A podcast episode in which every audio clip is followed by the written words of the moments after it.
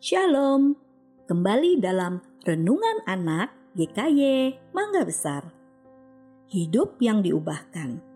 Kejadian 43 ayat 15 sampai 44 ayat 34. Setelah menyerahkan ketakutannya kepada Tuhan, Yakub akhirnya mengizinkan Benyamin untuk berangkat ke Mesir bersama-sama anaknya yang lain. Mereka berangkat dengan membawa uang pembayar gandum dua kali lipat dari jumlah uang yang sebelumnya.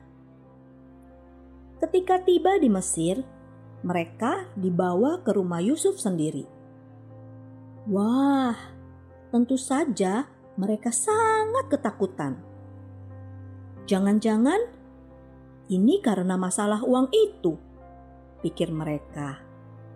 Tapi kepala rumah Yusuf menenangkan mereka. Dia kemudian membawa keluar Simeon dan menyerahkannya kepada mereka. Dia juga memberi air untuk membasuh kaki mereka, serta mengurus ternak-ternak mereka. Begitu Yusuf keluar dan melihat Benyamin, Yusuf hampir tidak dapat menahan perasaannya.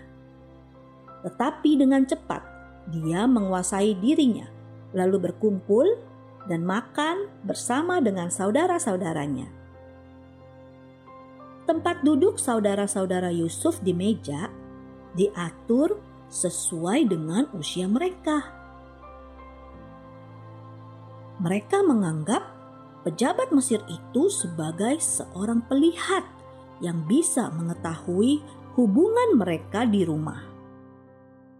Makan bersama di rumah Yusuf itu sungguh mengesankan bagi mereka, karena mereka diperlakukan dengan hormat. Ternyata, makanan yang diberikan kepada mereka adalah makanan dari meja Yusuf, dan kepada Benyamin diberikan lima kali lebih banyak daripada kepada saudara-saudara lainnya.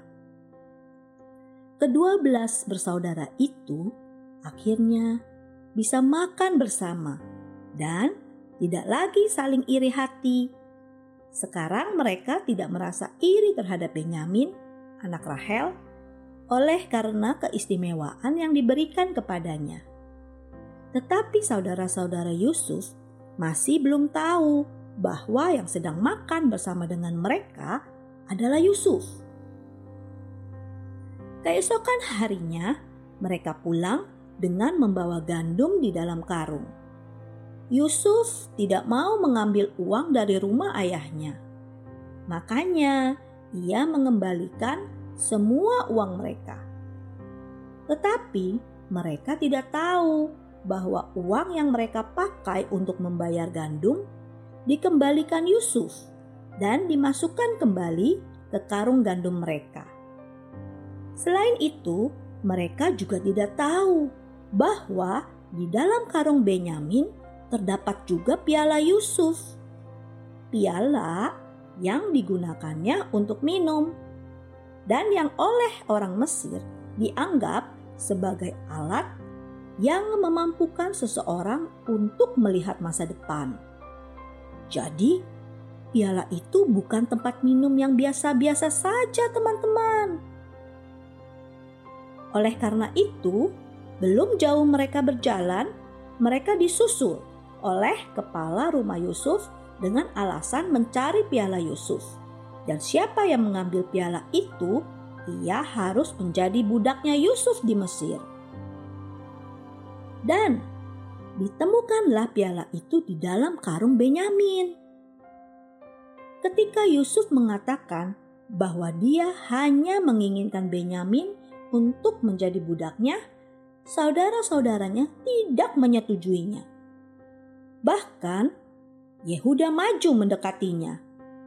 Yehuda mengakui kekuasaan Yusuf untuk berbuat apa saja yang disukainya.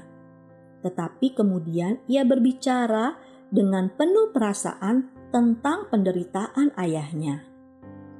Yehuda mengatakan bahwa adiknya Benyamin harus pulang bersama dengan mereka.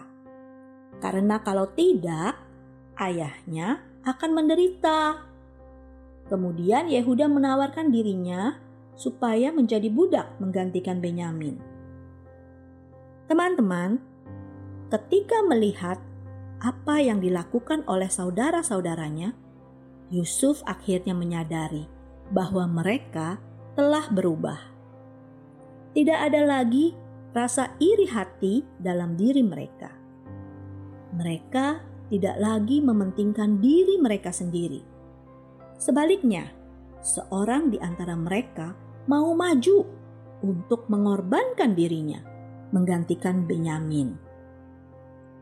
Teman-teman, ketika seseorang mengenal Tuhan dan percaya kepada Tuhan, ia juga akan mengalami perubahan hidup. Karena ia tahu, sebagai seorang anak Tuhan, ia harus bertumbuh agar dapat menjadi berkat bagi orang yang belum mengenal Kristus. Ia harus belajar hari demi hari semakin serupa dengan Kristus.